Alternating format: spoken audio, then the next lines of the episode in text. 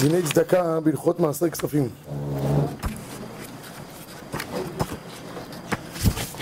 עמוד 74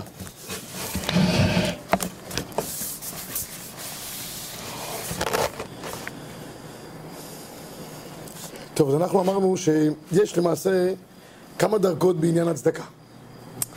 יש דרגה מינימלית של צדקה, ויש צדקה יותר מהודרת, והמקום הכי גבוה של הצדקה זה מעשרי כספים. בואו נראה את השדרוג. הגמרא אומרת מסכת בבת המקור אחד לפני התלמידים ב-74 למטה, אמר רב אסי לעולם הנמנע אדם עצמו מלתת שליש השקל בשנה. שנאמר, והעמדנו עלינו מצווה לתת עלינו שליש שקל בשנה לעבודת בית אלוקינו. זאת אומרת, הגמרא פה אומרת שיש מינימום שצריך לתת צדקה, זה שליש שקל בשנה. אז אומר פה הרמב"ם, כך גם פוסק המחבר, לא נקרא את שניהם כי זה חוזר על עצמו, לעולם הנמנע אדם משליש שקל בשנה, וכל הנותן פחות מזה לא קיים מצווה. ואפילו אני המתפרנס מן הצדקה, חייב ליתן צדקה לאחר. בקיצור, כל אחד צריך לתת שליש שקל בשנה. כמה שליש שקל בשנה? זה בין גברים בין נשים, 15 שקל. זה, זה הסכום. זה הסכום שצריך לתת. מה? בשנה. זה ההלכה. 15 שקל בשנה. אם נתן פחות מזה, אומר המחבר, לא קיים מצוות צדקה. זהו, זה, זה כל הסכום שצריך לתת. אלא מה? אלא מה? אם יש מצב שבו יש עני שמגיע אלינו, פושט את ידו, ואנחנו לא מכירים את העני הזה, ובדרך כלל צריך לבדוק.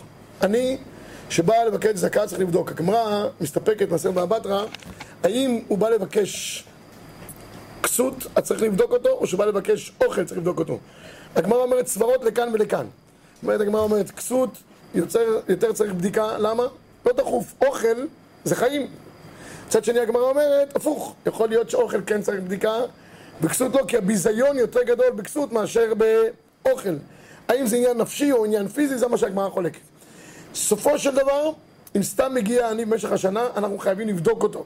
לראות שבאמת הוא אה, אחד שראוי לקבל צדקה. אם אנחנו לא בדקנו, ואין לנו כוח לבדוק כל אחד שמגיע, הרי, הרי מגיעים כל מיני כאלה ואחרים, במצב כזה נותנים משהו. העיקר לא לפתור את העני בלא כלום. כך כותב הרמב"ם במקור ארבע, ואני המחזר על הפתחים, אין נזקקים לתת לו מתנה מרובה, אבל נותנים לו מתנה מועטת. ואסור להחזיר את השואל ריקם, ואפילו אתה נותן לו גרוגרת אחת, שנאמר, אל ישוב דח נכלם. אל, ת, אל תיתן לבן אדם ללכת חסר כל. יש לך משהו בכיס? אם אין לך, אין לך. זה פתור. טוב, עכשיו, מכאן שהוא מתחיל להגיע למצוות צדקה יותר מהודרת. אלה מצוות הצדקות הבסיסיות. קצת לכל אחד גורגרת אחת. גורגרת, חצי שקל, גם טוב, שקל, לא יודע אם הוא ייקח. יש אנשים שלא מוצא חן בעיניהם. מה אתה נותן לי? זורק לך. אבל מבחינתנו, זה מה שהחובה לתת. מדרגה יותר גבוהה, 15 שקל בשנה. זה החובה, עכשיו המדרגה המהודרת. עכשיו נעסוק קצת במדרגה המהודרת, ונראה איך מחשבנים את זה. יש גמרא בסרט כתובות, יש, זה נקרא תקנות אושה. תקנות אושה, תקנות שהתקינו בעיר אושה, יש כמה וכמה תקנות, בענייני גברים, נשים וכולי. יש גם תקנה בעניין צדקה. מה התקנה? מקור חמש, אמר רבי לה, באושה התקינו שם בזבז, אל יבזבז יותר מחומש. תן לשאול קצת בזבוז. שאלתי מישהו, מה זה נקרא מבזבז? בלשון הגמרא, הכוונה היא לפזר, נקרא לבזבז. זה לא בזבוז, בזבוזים, היה פעם, אפשר לקבל כסף לבזבוזים, זה לא פשט. זה גם לא כאילו מוציא את זה סתם, אלא הכוונה היא לפזר. ברור שלעומת ה-15 שקל בשנה שדיברנו עליהם קודם, זה נקרא פיזור. אדם נותן יותר ממה שצריך לתת.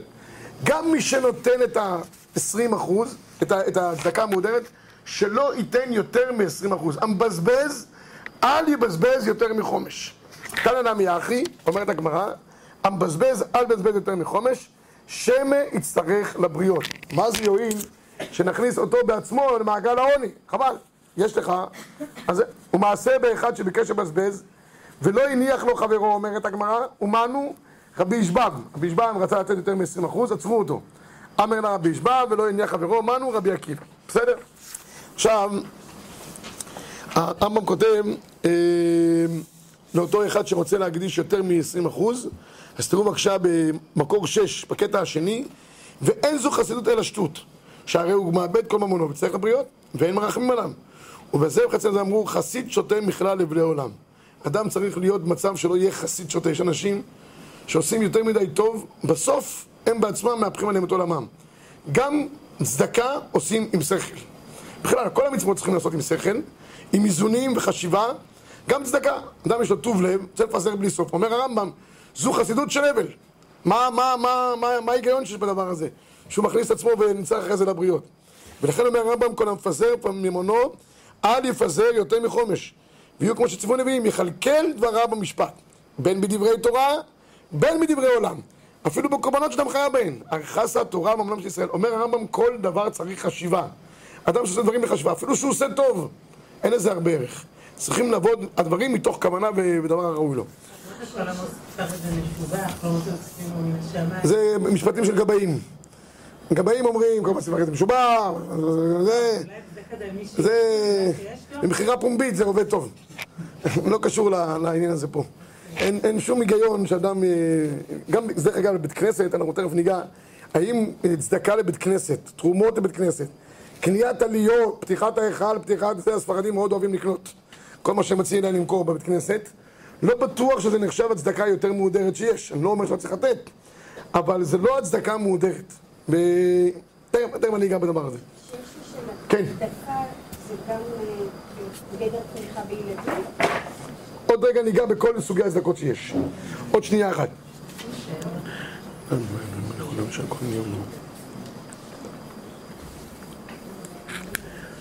אוקיי, אז אמרנו בעיקרון, לא מפרישים יותר מחומש. בואו נראה, בחפץ חיים יש מקרים שאדם יכול לתת יותר מ-20% מנכסיו. איזה מקרים? מקור שמונה, אומר, אומר החפץ חיים, המבזבז, אל יבזבז יותר מחומש, שם יצטרך לבריאות. אם לא מישהו עשיר מופלג, אדם יש לו ברוך השם עשירות מופלגת, אם הוא ייתן 20% מנכסיו, לא יקרה לו שום דבר. גם מה-80% הוא יחיה טוב. עליו לא נאמר שהמבזבז אל יבזבז יותר מחומש. יש עוד מקרים אם יש מצב שבו יש אנשים שהם חייבים עכשיו תמיכה, רעבים, לא יודע, ערומים וגם צמאים, שבויים, ועכשיו יש צורך חד פעמי מיוחד לתת יותר מ-20%. אם זה חד פעמי זה אפשרי גם.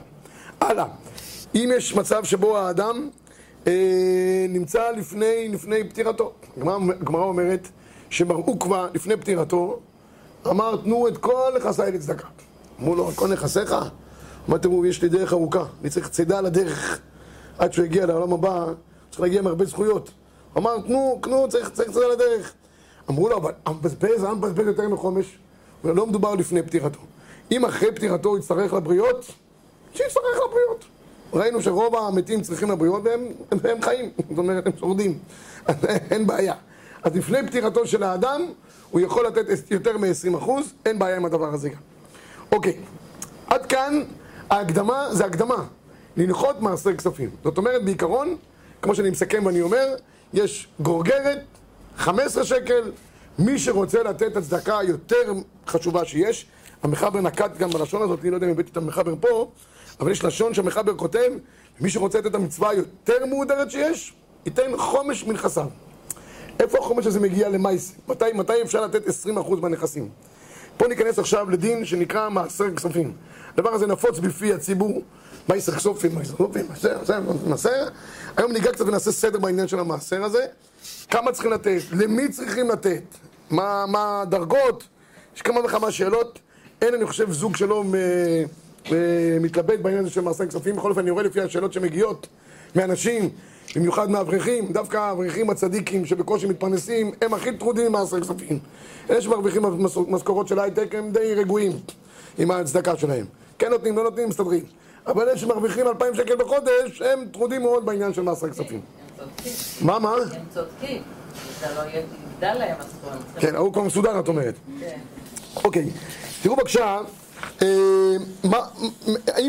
השאלה הראשונה שניגע בה, האם יש חובה בכלל לתת מעשר כספים? האם זה חובה? או שזה בכלל לא, לא בגדר של חובה? יש מדרש תנחומה, במקור תשע לפניכם. המדרש תנחומה כותב על הפסוק, אסר תאסר את כל תבואת זריך. אסר תאסר, אסר בשביל שתתעשר. אסר כדי שלא תחסר.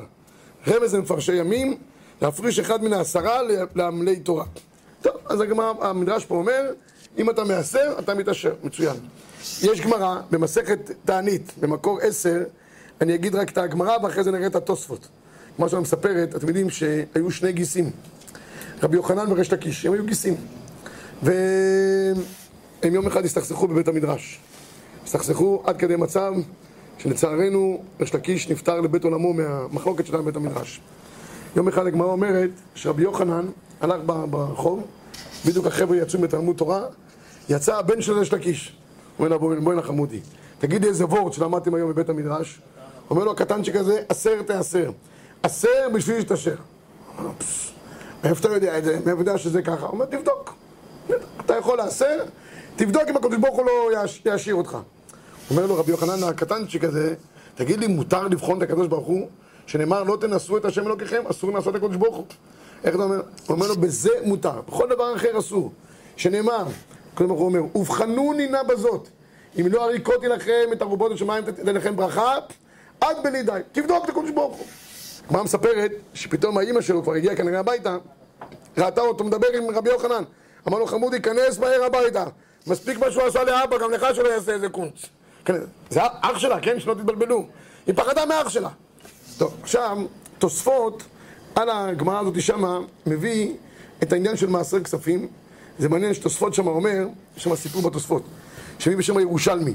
תוספות שמה אומר שהיה איזה אבא, היה מרוויח כל שנה מהשדה שלו אלף כורים. מפריש למעשר מאה כורים, עשר אחוז. לפני פטירתו אמר לבן שלו, אתה רוצה להמשיך לשמור על העושר שלנו? תקפיד כל שנה להפסר? הבן קיבל את השדה, אבא הלך לבית עולמו, ואמר הבן, מה, מאה כורים, כל שנה חבל, תן תשעים. נהיה לו תשע מאות, שנה אחרי כן. אמר, מה, עכשיו ירד לי כבר. מה, ניתן לו עוד פעם תשעים? אני אתן שמונים, שמונה מאות. בקיצור, הגמרא אומרת שהעסק בסוף התהפך. הקדוש ברוך הוא היה כביכול המעשר והוא נהיה הכהן. הקדוש ברוך הוא היה לו את זה והתהפך העסק. אמרו, כשהוא ירד למצב כזה, באו אנשים אמרו לו, מה זה טוב, מה זה טוב, מה זה טוב, אתם לא רואים שירדתי מנכסיי?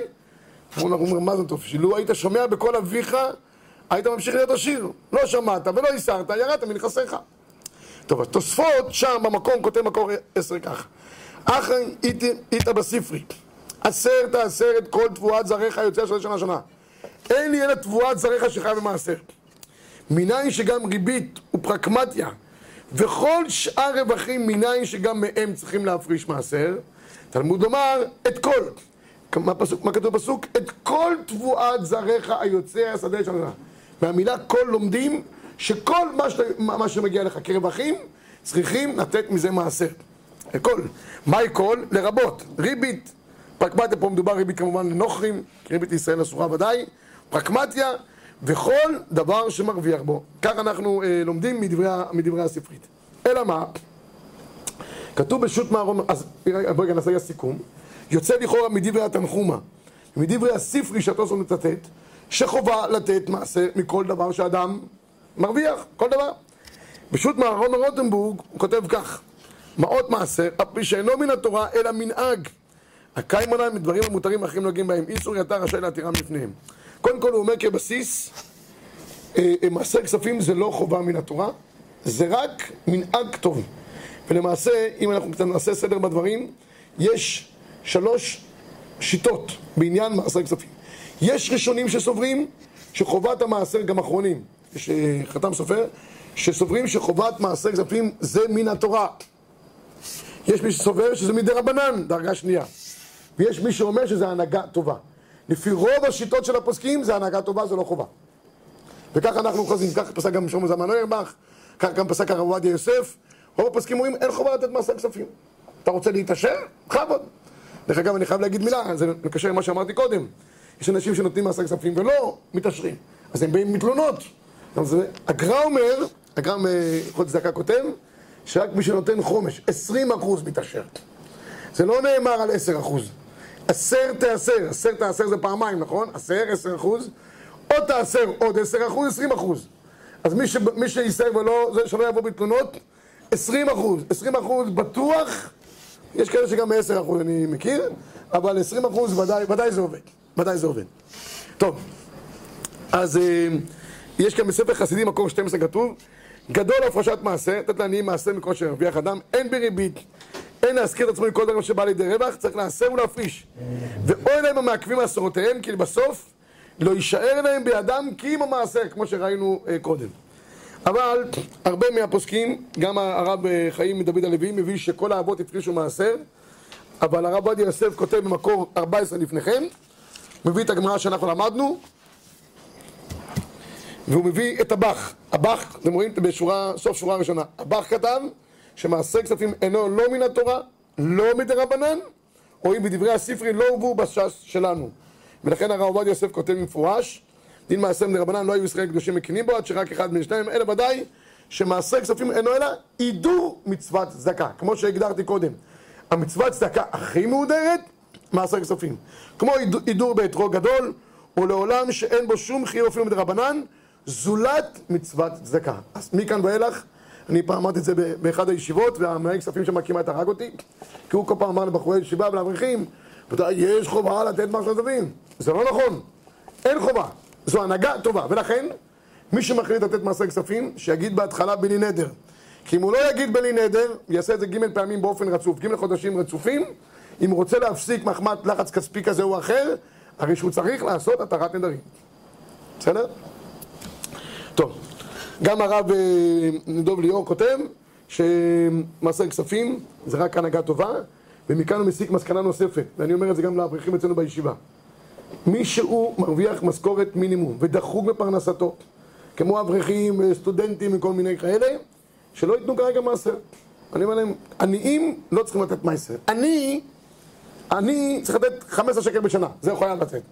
אפילו העני המתפרנס מן הצדקה נותן צדקה. אבל מישהו עני לא צריך לתת מצוות מעשר, זה לא, לא קשור אליו בכלל. ולכן אני אומר להם, אל, אל, אל תיתנו שם מעשר. בעזרת השם תתבססו ותרוויחו משכורות מסודרות, ותכף נראה גם ומה צריך לעשות מהמשכורת, אבל כאברכים לא צריכים לתת מעשר. אני לא, בשו"ת דבר חברון של הרב דוב ליאור למעלה, ב-81, נמצאנו למדים שמי שנוהג לעשר זה מנהג טוב, יפה, אינו חובה.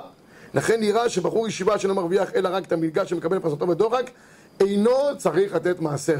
כי כל בחורי הישיבות ואברכים באופן בסיסי מוחזקים כעניים לכל דבר ועניין. בסדר?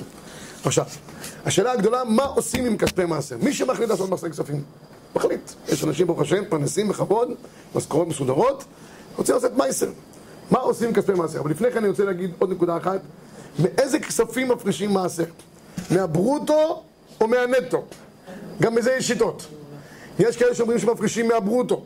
הברוטו זה סכום אה, צריך להיות אה, מכובד. יש כאלה שאומרים מהנטו, בקובייה למטה. מה שבסוף יוצא, זה, זה משם צריך להפריש. יש מי שאומר, גם לא מהנטו הזה, אלא אחרי שאדם מוציא את כל הוצאות ביתו, חשמל, מים, ארנונה, לא יודע, כל ההוצאות, אם נשאר לו משהו, מקווה שנשאר, בדרך כלל הישראלים לא נשאר הרבה, אין לך מינוס, אבל אם נשאר משהו, אז מזה הוא צריך להפריש מעשר. זאת אומרת, במילים אחרות, אם הוא ניקה את כל ההוצאות, נשאר לו סכום שהוא נגיד חוסך כל חודש, בסדר? מסכום החיסכון הוא צריך להפריש מעשר. לא יודע כמה זה יוצא, אבל, אבל, מה, כל אחד לפי זה, לא יודע, אני לא נכנס פה לאף אחד לזה שלו. יכול להיות שיש כאלה שיוצא להם סכום נאה, מצליחים להפריש אה, לחיסכון, הסכום לחיסכון הוא הסכום למעשר. בסדר? בדרך כלל ככה אנחנו אה, תופסים בעניין הזה של אה, הפרשת מעשר. אפשר שאלה? כן. אני- אני חוזרת אחרונית. אם כתוב בתורה, בכל אשר תיתן לי עשר עשרנו לך, למה זה מנהג? זאת אומרת, אנחנו רואים שזה כן חיוב מדאורייתא, יש בזה חיוב, לא? למה זה מנהג? מי, מי אמר את זה? לא יודעת. אה, תנסי לחשוב, תנסי לחשוב. ככה... עכשיו יש לך חידון תנ"ך. מי אמר, מכל אשר תיתן לי, עשר עשרנו לך. אה, מי אמר את זה? כן, מי אמר? מי אמר למי? חידון תנ"ך. אבשלום קור. מי אמר?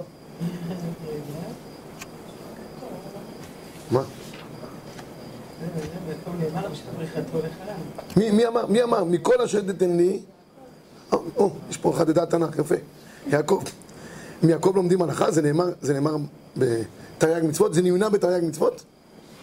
יעקב, יעקב היה, יעקב, מידת התפארת, מתי אמת, היה שלמות. אגב, זה לא רק יעקב, מכל אב את יכולה ללמוד על מעשר. יש פה, לא, לא הבאתי לכם את זה לפניכם, אבל בשו"ת מים חיים לרב, לרב חיים דוד הלוי, הוא כותב שכל, מכל אב, אברהם אבינו עבר למלך שלם וייתן לו מעשר מכל, וייתן לו מעשר מכל. וליעקב נאמר, גם ביצחק, דרך אגב, אפשר גם ללמוד מעשר. כתוב, ונמצא בשנה ההיא מאה שערים ויברכהו השם, גם משם לומדים. אז מה, את לומדת מהאבות? מכל אבא את לומדת עכשיו בגדר מעשר? לא לומדים, חשבתי שתתקיפי אותי מהפסוק שמופיע בתוספות אסר תאסר את כל תבואת זרעך יוצא השדה שנה שנה. זה פסוק כבר שלא נאמר אצל האבות. זה פסוק שנאמר כבר כמעט בהלכה למעשה נכון? כל תבואת... כל... אבל תראי מה כתוב אסר תאסר את כל תבואת זרעך. אלא דרש... חז"ל דרשו בספרי את כל לרבות גם שאר פרקמטיה אבל זה ספרי. ספרי שלא נכנס לגמרא לא נפסק להלכה. זה נותן לך קצת כללי פסיקה. ממילא אין שום מקור מוכח לא אומר שיש מי שסובר כמוך שיש זה דאורייתא אבל רוב הפוסקים לא סוברים ככה וסוברים שזה רק, רק בגדר רמז בלבד ואם זה רמז בלבד זה הנהגה טובה. ואם זה הנהגה טובה מי שרוצה לעשות הנהגה טובה שיעשה ותבוא עליו ברכה ויהיה לו גם השירות מרובה בעזרת השם ומי שלא רוצה, לא חייב. בסדר? אז זה בחלון נינה בזאת, זה מה המקור של זה? בחלון נינה בזאת זה לגבי המעשר מעשרות מעשרות. אה, מעשרות, את יודעת, מעשר דג... דגנך תירושך ויצריך בסדר? אז מי ש... אז הבחינה היא בין מפריש תרומות מעשרות? אז את השם? כן, כי כתוב שם במפורש כתוב הביאו את כל המעשר בית השם אלוקינו, זה הפסוק פחות או יותר מה זה הביאו את כל המעשר? מה מביאים לבית המעשר? מביאים למקדש את התרומות שצריכים להביא ועל זה הקדוש ברוך הוא אומר ובחנונינה בזאת בסדר? אז תכלס, תכלס אז אחד אומר לך שילדים לא צריכים לחץ, זה זה הפך להיות כבר, אה, באמת זה חידוש. והילדים שזה יש בעצמם תשובה. מרגישים התשובה באה רק לחדש. עכשיו, באמת, אני לא רוצה לגלות להם שזאת הנהגה טובה. כי זה- יש בזה משהו חינוכי מאוד יפה.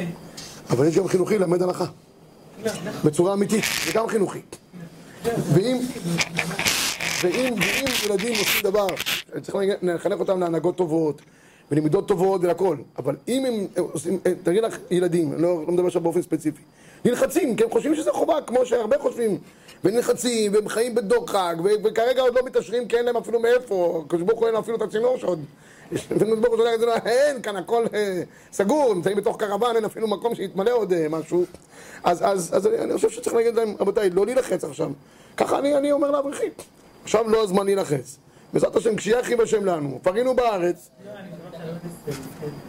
לא, בסדר. נישואים זה. לא נישואים ש- שהם צריכים לתת, שילחצו כדי שיתחתנו בסוף. טוב. טוב. עכשיו, השאלה הגדולה, מה עושים עם כספי מעשר? מה אנחנו עושים איתם עם כספי מעשר? אז כאן יש... אבל מה- המנהג הרווח? יש לנו שלוש, שלוש... אה, יש שיטות. את הברוטו, נטו ומה שנשאר בסוף. אז מה... אני לא בדקתי מה המנהג הרווח, אני יודע שיש הרבה שמפרישים מ... מ... מהנטו, אבל אה, יש גם אנשים שסומכים על זה להפריש רק אחרי כל ההוצאות. בכל אופן, שלמה זלמן אוירבך כותב, יש לו קונטרס בענייני מעשה כספים, ושם הוא כותב שההפרשה היא אה, רק אחרי שאדם אה, מנקה מה... מה... מהנטו שלו.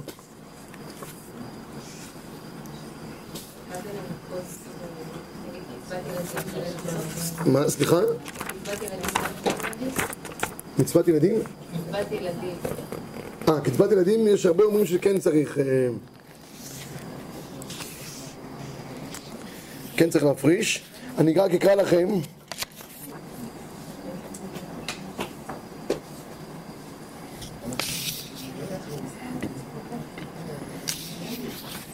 בעיקרון הפוסקים אומרים צריך להפריש מהרווח.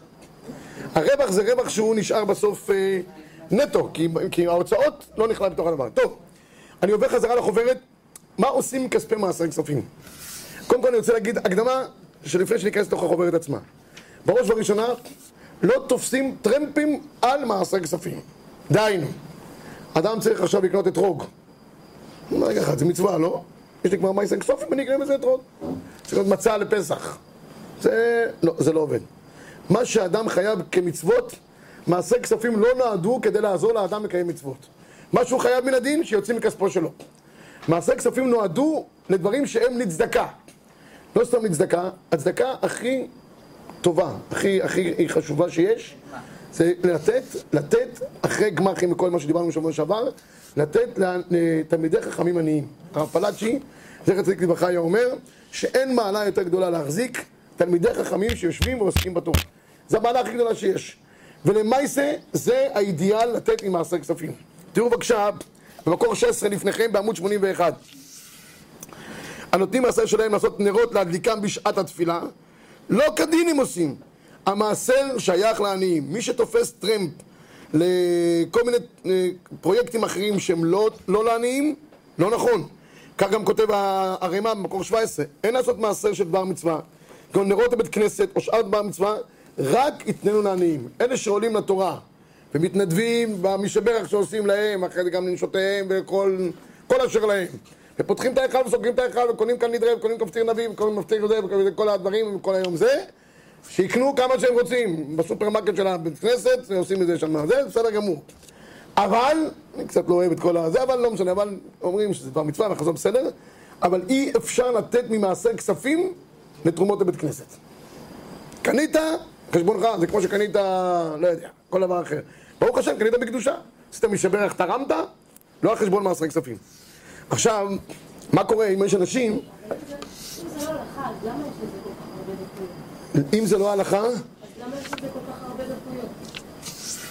כי אם כבר את מקיימת, שלפחות יעבוד. את מבינה? את רוצה שזה יהיה גם... אה, אה, זה אקסטרה. ושגם שהאקסטרה תגרום גם ל... תגרום גם לאושר. אז אה, יש כללים איך מתעשרים. כן. סגולה כן, רוצה בבורסה, מונח איפה להשקיע כדי שהעסק יעבוד. טוב, הדרישה, כותב כאן, יש אנשים, זה קורה הרבה תופעה, אבל זה טוב לבחורי ישיבות, אבל קונים ספרים על מעשר. אז אה, אדם לא יכול לקנות ספרים, שים את זה אצלו בבית. יש כאלה שקוראים, נקנה מכספי מעשר, שכוח, איפה הוא שם את זה אצלו בבית? אז מה, מה זה? ואם קנה את הספרים, צריך שהציבור ישתמש בזה.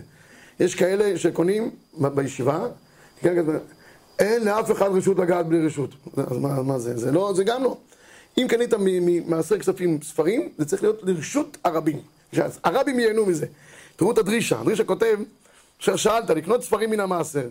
ככה אני כל מצווה שתבוא לידו גון להיות בעל ברית, מכניס חתן וכלה לחופה, וכן לקנות ספרים, ללמוד בהם שלהם. אם לא היה יכולת בידו ולא היה עושה אותה מצווה, יכול גם למעשר.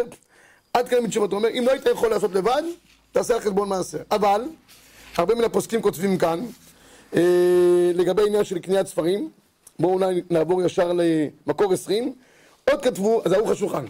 זה מותר לקנות ספרים מאות מעשה ללמוד מהם להשנן אחרים, ללמוד מהם, אם אי אפשר לא באופן אחר, רק מי שלא יכול לקנות ספרים, שיקנה ספרים כספיהם. אני אומר לבחורי ישיבות זה בסדר גמור. אם בחור ישיבה אין לו כסף לקנות ספרים, וממילא גם הם, אה, אין להם, הרי, הרי בחורי ישיבה מאיפה הם מתפרנסים? מההורים שלהם. לוקחים זה, אז אם הם קונים איזשהו ספר, מכספי מעשר, הם צריכים שהספר הזה יהיה ראוי להשתמש בו רבים. כן, גם צריך עיון, אם כן נתיר לו לקנות תפילין מעות מעשר. אז הוא אומר גם, אי אפשר לו באופן אחר. גם זה צריך עיון, אם כן נתיר לו לקנות תפילין מעות מעשר, טלית, שאחרים התפללו גם בהם, וכן נתיר לו לקנות שופר באתרוג מסוכן מעשרים ואחרים, לא ייתכן. ועוד אפילו אם נתיר לו לקנות ספרים מעות מעשר, מכל מקום, הרי הוא כאחר, ואנחנו יכולים לומר, אין אצלו יש ספרים, צריכה יהיה אליי בבית המדרש. על כן ראוי להתרחק עצמו מהיתר, זה בעיקרון. אדם נורמלי שלא יקנה ספרים על חשבון כספי מעשר. אה, בחורי ישיבות שאין להם מאיפה לקנות, וזו הדרך היחידה, שיקנו, שיקנו מחשבון מעשר, אבל ישימו את זה בבית המדרש לשימוש הרבים, שיכתבו, נקנה מכספי מעשר לטובת הרבים. אז מהי נפקא מינה שזה... נפקא מינה שאם הוא ילך לישיבה אחרת, הוא יעבור לכולל אחר, שיקח את זה איתו. זה הדבר היחיד. אבל זה נועד לשימוש הרבים, אחרת זה לא נקרא אה, מעשר כספים. טוב, עכשיו יש כאן שאלה מאוד מעניינת. לגבי עניין של מעשר אז אני אה, הולך קצת בדרגות. הכי טוב לתת לאנשים עניים שיושבים ועוסקים בתורה. זה הדבר הכי טוב שיש. אגב, אני רק אומר פה מילה נוספת, כיוון שזה המצב האידיאלי, אז אפשר לעשות עם אותם אברכים זבולון ויששכר. זה מופיע ברמה, לעשות הסכם, הסכם מסודר. יש הסכמים, יש נוסח, נוסחאות של הסכמים מסודרים שעושים וזוכים חצי מהתורה שלו. חצי מהתורה שלו. תמיד כולם שואלים היה אחד מספר חסדים, הוא אומר שהיה מצטער על שאלה הזאת הרבה. אם אדם עושה זבולון משכר, אז חצי משכרו הולך לזבולון. אומרים לאישה גם שחצי מהשכר של בעלך הולך אלייך. מה נשאר למי שלא מת? אם חצי הולך לפה, אז הוא אומר, הקדוש ברוך הוא יש הרבה שכר, הוא משאיר לו גם משהו. אבל בעיקרון, אם כבר מישהו עושה מעשר, כיוון שמעשר זה רק אקסטרה, זה רק הנהגה טובה, שינצל את זה. שילך לאברך, יגיד, תשמע, אני אתן לך כספי מעשר שלי, בוא נעשה הסכם, זבנון משכר. הסכם חתום, מסודר, בעולם הבא, בצל החוכמה, בצל הכסף, כך אומר הרמ"א. הוא יקבל מקום כאילו הוא למד בעצמו. זה פטנט אדיר. רגע, זה פוטר אותו ממטרות? לא, חס ושלום. כתוב ברמ"א במפורש. בסדר, אבל צריך לבחור מישהו חכם כזה. למה, למה חכם? בחור שיושב ולומד. אם הוא חכם אז... מה, העולם הבא שלו משודרג? העולם הבא לא מחולק דווקא לחכמים.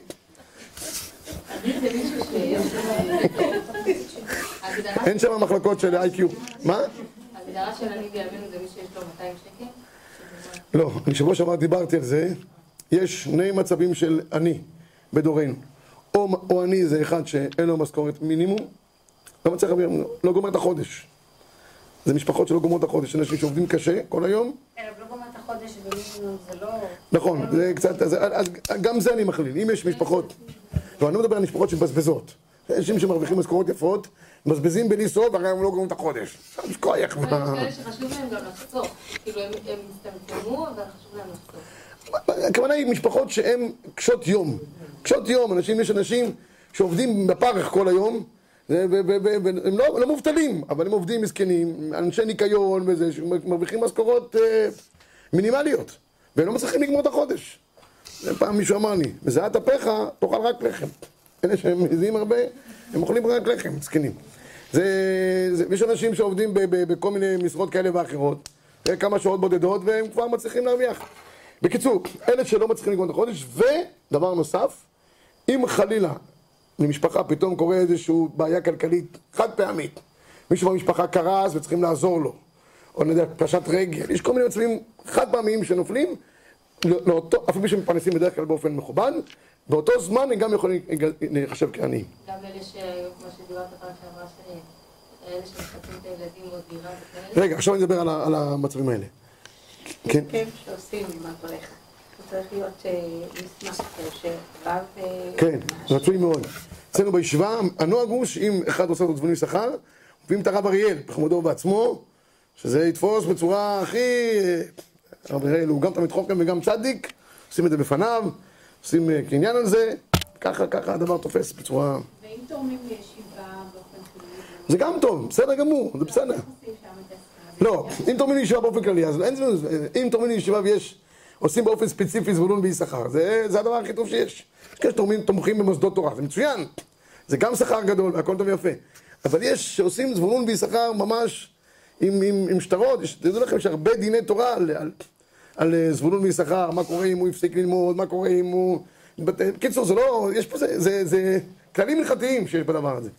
טוב, עכשיו אני, עכשיו אני, אני, פעם היה כלל אם היה לו חמור, או אם היה לו סוס, ואני איבד את הסוס, אז נקרא. לא, זה לא, זה לא, אין כלל כזה כלל בכלל. כתוב שאם היה לו, אז נותנים לו גם סוס לרכב עליו ועבד לרוץ לפניו. זה, אבל זה אם יש אפשרות, וזו חובה על הציבור, זו לא חובה על היחיד. אני מדבר פה כרגע על חובת היחיד. עכשיו בואו נראה מה אנחנו הולכים לנצל את המסר כספים. אמרנו, המדרגה הכי גבוהה. אם יש מישהו מבני משפחתו שהוא תמיד חכם שיושב ולומד, הוא גם ראשון במעלה. ככל שאדם קרוב יותר, אז מבשרך על תתעלם. זה גם, זה גם uh, מדרגה. לאחר מכן, יש uh, עניים שנמצאים בשכונתו, כמובן עניי עירך קודמים לעניי עיר אחרת. יש פה ביישוב uh, שכן טוב. זה אנשים שהם באמת uh, נזקקים, והרב עדיין מטפל בזה במסירות נפש. זה גם uh, מעלה גדולה לתת לאנשים כאלה. טוב, עכשיו, מה קורה אם אדם רוצה לנצל את המעשה כספים בתוך הבית פנימה? אדם כבר קשה לו לה- להוציא את זה. אז הוא מתחיל עכשיו לחפש בתוך הקטגוריה שלו, איך הוא משאיר את, ה, את המעשר. אז השאלה שנשאלה, ודנים בה הרבה הפוסקים, אם אדם רוצה לזון את בניו ובנותיו, ולתת להם את כספי המעשר. אני אתן לכם כמה דוגמאות. הוא רוצה שהילדים שלו ילמדו בבית ספר, בישיבה יותר, לא יודע, למדנית, טובה. שם אבל צריך להשקיע יותר כסף. האם הכסף הזה יכול לבוא על חשבון כספי מעשר? הוא רוצה שהבת שלו תלמד באולפנה, הכל שם. זה לפעמים דורש יותר כספים. או, למשל, הוא רוצה לחסוך לילדים שלו, שבעזרת השם יגדלו, והם יגדלו גם בתורה, והוא יקנה להם דירה. ואחרי זה גם יוכל מהכסף שהוא חוסך, לתמוך בהם כל חודש. למה שהוא יחסוך באיזה אברך, ייתן לתמוך לאיזה אברך שהוא לא מכיר, אם הבן שלו יושב ולומד וגודל בתורה, למה שלא יתמוך בו תמיכה חופשי, אה, חודשית? זה השאלה. האם אדם יכול להשאיר את הכספי מעשר בתוככי הבית פנימה, ולהגיד שזה גם הולך ל... על חשבון כספי מעשר? אני, אני חייב להגיד רק מילה אחת שכחתי להגיד, וזה חשוב. מי שרוצה לנהוג את ההנהגה של מעשר כספים, ההנהגה הטובה הזאתי, חייב לנהל חשבונות מסודרים. אין מעשר כספים, לתת אה, 100 שקל חשבון מעשר, עוד 200 שקל חשבון מעשר. הוא מחשבן פחות או יותר, זה לא הולך ככה. מעשר צריך להיות עם פנקס מסודר. מה ההכנסות, מה ההוצאות ולמי נתת. למה? אחרת זה לא עובד. אה, זה כאילו, זה הסגולה. זה, זה ככה זה עובד. צריך לבוא לקדוש ברוך הוא להגיד לו, אתה רואה? רווח, זה ההוצאות, נא לשלם בבקשה. אבל אם נח מסמך מסודר, אתה יכול לעבוד בתביעה. יש סיפור כזה על, אה, על אליהו הנביא.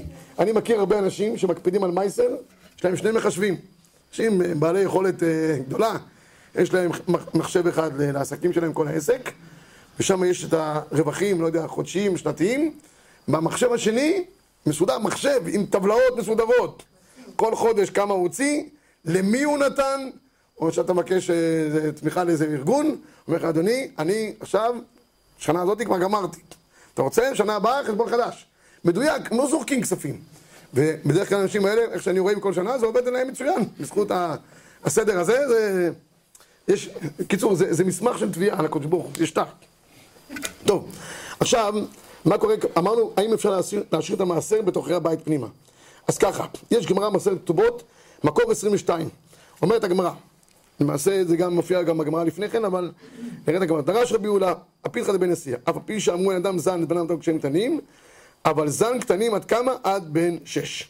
והגמרא לפני כן אמרה שיש אחד שעושה צדקה בכל עת, הגמרא שואלת, וכי אפשר שיעשה אדם צדקה בכל עת, אלא דרשו רבותינו שביבנה, אמר לה רבי אלעזר, זה הזן בניו ובנותם כשהם קטנים. מדין תורה, אדם חייב לזון את בניו ובנותיו הקטנים עד גיל שש בלבד. זהו. גיל שש, יכול להגיד להם, לקחת את הילדים, סוף אותם לספר, ילדים חמודים, דאגתי לכם עכשיו, אתם משוחררים. צאו, צאו לעבודה. פעם זה היה ככה. היום, אה, ואז, ואז, הגמרא אומרת, אם בכל אופן הוא מחליט להחזיק אותם, אומר להם, בסדר, אני רק צחק, עכשיו תישארו בבית, ואני מחזיק אתכם, זה מדין צדקה. כל מה שהוא נותן לילדים שלו, צדוקה. ילדים קטנים, עניים, מסכנים, בבית שלו, צריך לתמוך בהם. אז למה הוא צריך לתמוך בכל מיני ילדים? תמוך בילדים שלו. ועליו נאמר, עושה צדקה בכל עת. אבל, כמובן, הפוסקים אומרים, "מה, זה עושה צחוק, מה הילדים שלו, מה, הוא שהוא ישחרר אותם אה, לעבודה, והוא כל פעם ייתן להם צדוקה, ואולי גם ייתן איזה, לפני כן ישגיד לשם ייחוד? מה זאת אומרת? אז כתוב, בשולחן ערוך כך, מקור 24. הנותן לבניו ובנותיו הגדולים שאינו חייב במזונותיהם, כדי ללמד את הבנים תורה ולהנהיג אותם בדרך ישרה, וכן הנותן מתנות לאביו והם צריכים להם, הרי זה בכלל צדקה. ולעוד אלא שצריך להקדימו לאחרים, מבשרך אל תתעלם. ואפילו אינו בנו ולא אביו, אלא קרובו.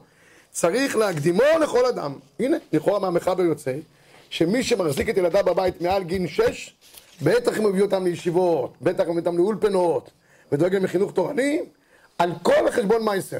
אבל בעיה תהיה, שאם נעשה את החשבון הזה, לא יישאר לעניים אגורה שחוקה.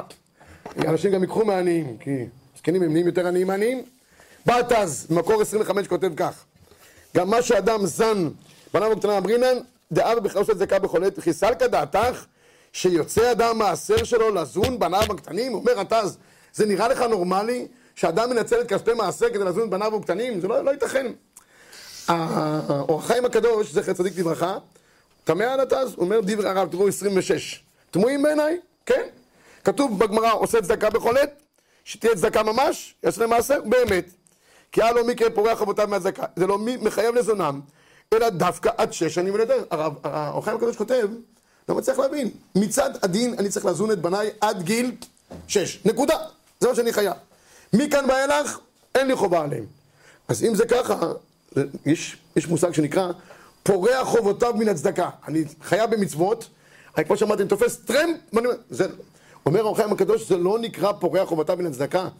זה, זה, זה, זה, זה, זה צדקה ממש. אם הוא חייב לזון אותם, זה, זה, זה, זה, לא חייב לזון אותם, זה צדקה ממש. אלא בתורת צדקה, בכיוון דקן, פשיטא דמצי להוציא מעשר צדקה של בניו ולהושיבם ללמוד תורה. בקיצור, לפי האור החיים הקדוש, מי שמגדל את ילדיו אחרי גיל שש לתורה, למצוות ומעשים טובים, יכול לחשבן את זה על חשבון כספי מעשר. ככה הוא כותב. אבל הפוסקים האחרונים, כמעט בני זמננו, הרב פיינשטיין, זכר צדיק לברכה, וגם הרב עובדיה יוסף, כותבים שהדבר הזה לא ראוי. הרב פיינשטיין אומר, אם היו ילדים קטנים יוצאים מהבית, שמים אותם, בגיל שש שמים אותם באיזה קרוון, והם מסכנים שם לבד, והוא אומר להם כל בוקר הולך להם, מה שלומכם חמודים, נותן לכם סנדוויצ'ים, נותן לכם שוקו עם לחמנייה, הוא אומר, זה יכול לעשות חשבון מעשר. אבל ילדים שגרים בתוך הבית, אין מצב כזה שבתוך הבית החלק אתה נותן כי אתה אוכל, חלק אתה נותן לילדים כי זה צדוקה, זה לא, לא שייך. לכן הרב פיינשטיין כותב שילדים שנמצאים בתוך הבית, אי אפשר לחשבן את ההוצאות עליהם לכספי כספי מעשר. אבל מה שכן אני אומר, אם אדם רוצה שהילדים שלו ילמדו בישיבה מסוימת, וזה עולה יותר, כן, זה, יש שם הוצאות, מבקשים יותר. יש ישיבות תיכוניות שהם אה, לומדים שם באופן מיוחד, והם מבקשים סכומי עתק. אני מכיר כאלה, והוא רוצה שהוא ילמד שם. הוא יקבל גם חינוך תורני טוב, גם מידות טובות והכל, זה עולה הרבה כסף. שייקח את הפער בין ישיבה תיכונית סטנדרטית לבין האקסטרה שהוא עושה. הוא לוקח לו עכשיו איזה מלמד, איזה חברותה, שילמד איתו שוויצה תלמיד חוכם גדול. קשה לו, אין לו. אם אדם יש לו ברווח, אז ודאי שלא יתפוס טרמפ על חשבון מעשר. אדם מרוויח, לא יודע, 20 אלף שקל בחודש. אז זה ראוי שייקח מכספי מעשר לילדים שלו, אפילו מלמד אותם במקומות טובים, אבל אין לו, הוא מרוויח בצמצום. והוא רוצה שהילד שלו ילמד במקומות יותר טובים, ייתן להם, לא יודע, ייתן להם חברותה, אה, אה, אה, לא יודע, דברים כאלה, חוגים מיוחדים ב- בלימוד, חוג לקצות, חוג לנתיבות, חוג לספרים מיוחדים. וזה אין לו ברווח, יכול לחשבן על כספי מעשר. אבל ודאי שבתוככי הבית פנימה, הדברים הסטנדרטיים היומיומיים, לא יכולים לבוא על חשבון מעשר. אבל הרב עובדיה יוסף כותב, שאם אדם רוצה ומתכנן שהילדים שלו בעזרת השם יגדלו בתורה ויהיו אברכים והוא רוצה לחסוך מכספי מעשר כדי לתמוך בהם, זה אפשרי. תראו בבקשה ב-28, בסיכום. הנוהג להפריש מעות מעשר ממשכורתו ומכל רווחה רשאי לנקות בדמי המעשר דמי פרנסה וכלכלת בניו ובנותיו הגדולים היתרים על גיל שש שנים ואפילו מסמכים על שולחנו וכן רשאי לסייע במאות מעשר בהוצאות נישואיו בניו ובנותיו כגון לצורך דירה, רהיטים וכיוצא בהם שיוכלו לבנות את ביתם. הרב עובדיה יוסף פוסק כדעת האור החיים הקדוש שאפשר לחשבן את זה כצדקה אבל הרבה לא עושים ככה. אבל אם הוא רוצה, אומר הרב עובדיה, לקנות להם דירה, רהיטים זה שיוכלו לבנות את ביתם. כל שכן כשבניו ממשיכים לעסוק בתורה בכוללים הרבים שנתברכנו בהם. כשבנותיו נשרועות את תלמידי חכמים שקדים בעולה של תורה. מצווה גדולה לפרנסם בכבוד, צדקה גדולה היא, וכמובן שהקרוב קרוב קודם, כי בשרך אל תתעלם. אז זה בדיוק החילוק. אני חושב שהחילוק יהיה פשוט. דברים יומיומיים סטנדרטיים שכל הורה נותן לילדים שלו, זה לא יבוא על חשבון מעשר. דברים שהם אקסטרה, רוצה לקנות לבן שלו דירה. ואחרי זה הבן שלו יוכל לשבת ללמוד. אמרו, הבן שלו ברוך השם גודל בתורה. כן לו דירה, יוכל ללמוד ברווח, בלי לצמצם וכולי. זה אקסטרה כזאת של תורה, יכולה לבוא על חשבון כספי מעשר, ואם זה לילדיו, זה קודם, כי הקרוב קרוב קודם. עד כאן, כן. טוב, אין לאנשים ביד בנימין מה להגיד, כאילו אם למישהו ביד בנימין חסר כסף, שיעבור למקום יותר זול. אמ, מי שחי בדירה, נגיד, דירה זה עוד לא... אין חובה לאדם למכור את הדירה שלו כדי שהוא יוכל אחרי זה לתת אה, מעשר או דברים כאלה. לא, כזה. אני מדבר פה על, על הכנסות חודשיות. יש אנשים שגרים בדירות אה, שוות הרבה, כי מה לעשות, הם קנו את הדירה פה ב-600 אלף שקל, נעבך, ואחרי זה זה עלה ל-2 מיליון שקל. אמרה בגלל זה עכשיו, אה, לא, זה לא קשור. לא קשור, לא קשור. זה. אני מאמין שאדם לא גר בסביון, הוא מסכן. אבל אם הוא גר בימים, הוא יכול להיות גם, אה, שהוא לא מיליונר גדול, אבל הוא חי פה, כי הוא נתקע פה, מה לעשות, הוא קנה, עלו הדירות. זה לא, זה לא, זה עוד לא ראייה, ובטח לא צריך לעשות איזושהי פעילה של מכירה. אני מדבר כרגע על הכנסות והוצאות חודשיות באופן קבוע. מחזור כספים סטנדרטי, קבוע. לא מדבר על... אה, חד פעמי או דברים כאלה. בסדר? הורים שחיים בבית. אה, מי מי? הורים, אז זה כן אפשר לחשב כן, אם, אם כתוב בגמרא כך, כתוב בגמרא שאם אדם יש לו ברווח, הוא מחשבן את תוצאות המעשר שלו להורים, אז תבוא מהרה, הגמרא אומרת זה כאילו קללה. אתה, ההורים שלך אצלך בבית, אבל מי שאין לו, ובמקום לתת את ההורים לבית אבות ולאיפה, הוא מגדל, מגדל, מגדל אותם.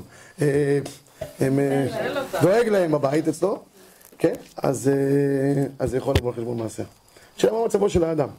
עוד פעם, הכל תלוי במצבו של האדם. אדם שיש לו ברווח, והוא מתחיל אה, להתעסק עם אנשים שזה סיבות חשבון, ברוך אומר, יתחשבן איתך גם.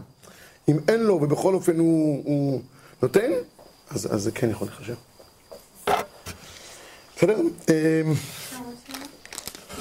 כל מיני פרויקטים כמו קייטנות לילדים או, שאלה טובה מאוד. כן, שאלו אותי כבר קודם, אני אענה. תראו, אה, אה, הרב אה, נבנצל כותב בקונטרס שלו, שאין הכי נמי. אם יש פרויקטים מיוחדים שמאדירים תורה, או גורמים לילדים חינוך תורני יותר, דואגים להם למשל קייטנה תורנית, בקיץ. וזה חוגים לילדים, אז והתורה אומרת את זה כדי ש, שזה יצא לפועל. פרסים, הוא אומר, פרסים לילדים שיבואו לתהילים. שבת, קונים להם אה, שפמלות כאלה. זה, זה אפשר. כל דבר שהוא מאדיר תורה, בחינוך שהוא חינוך אה, זה, אפשר. אפשר חשבון כספי, כספי מעשה. אז קייטנות כאלה. ילדי פנימיות. אפשר להביא להם נגיד לבת מצווה, לעזור מצווה. מה, מה, היא עושה בת מצווה? מארגנים להם בפנימייה בת מצווה, כאילו... ילדים מסכנים. כן, רבע. ילדים מסכנים וזה משמח אותם, וכן? כן. זה גם נמצא בתוך הקטגוריות של זה. יותר- עדיף להביא חכמים. תראו, אני אומר עוד פעם, תראו, יש, אז זה לכתחילה. אבל אם אדם יש לו איזשהו דבר ספציפי, מה אולי יש שם איזה פרויקט ספציפי. במשפחה יש, אה, לא יודע, בני דודים שנמצאים באיזשהו מעון של, אה, לא יודע, אנשים חוסים או כל מיני כאלה, והם צריכים את זה עכשיו. אמרתי, מה, תשמע, אם אתה לא תלמיד חוכם, קשר אותך גם את הזה, גם יש פה כאלה שרוצים גם איי-קיו מסוים, ותנאים, זה אה, לא מביא לך. זה- לא. אם זה פרויקט תורני, שנראה לך שזה, את מתחברת אליו וזה עוזר לאנשים, את יכולה לתת לזה גם. אבל אדם יש לו, יש לו כסף ברווח. הוא יכול לתת, אה, זה המעלה הראשונה. אבל מתחת לזה יש גם עוד מעלות. אם אנשים נזקקים, מצווה לתת להם גם. בסדר? אה, יש, יש איזה, איזה מהלך שנתתי, אני לא יודע אם נתתי אותו פעם, על מר עוקווה עם, ה- עם אשתו, חסד, צדקה, גמילות חסד. מה? לא יודע, אני חושב שפעם נתתי אותו לפני כשנה. אם לא, אז אה, מה נעשה? כבר יש לנו כאן שלוש דקות.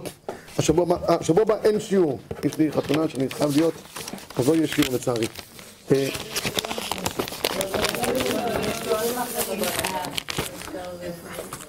אפשר לה- אפשר להעביר לי יום אחר, מלמד אחר.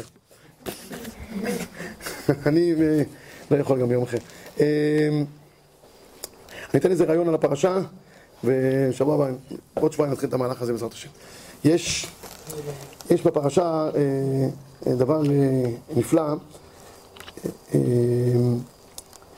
כתוב שאברהם אברהם, אברהם זקן בא בימים. ואחרי זה גם דורשים על שרה, שבת שבע שנים, עשרים שנה, מאה שנים, רש"י דורש, כל מי שמכיר, מכיר, אה, בת, אה, בת מאה כבת אה, עשרים, הנשרים כבת שבע וחצי. מה, מה, מה הפשט של הדבר הזה? יש, יש זוהר קדוש כתוב, ואברהם זקן בא בימים. אומר הזוהר כך, אשריהם צדיקים, שכל ימיהם הם באים כל הזמן. הם כל הזמן במהלך של התקרבות. אוי להם לרשעים, שכל חייהם הם מהלך של התרחקות. מה הפשט?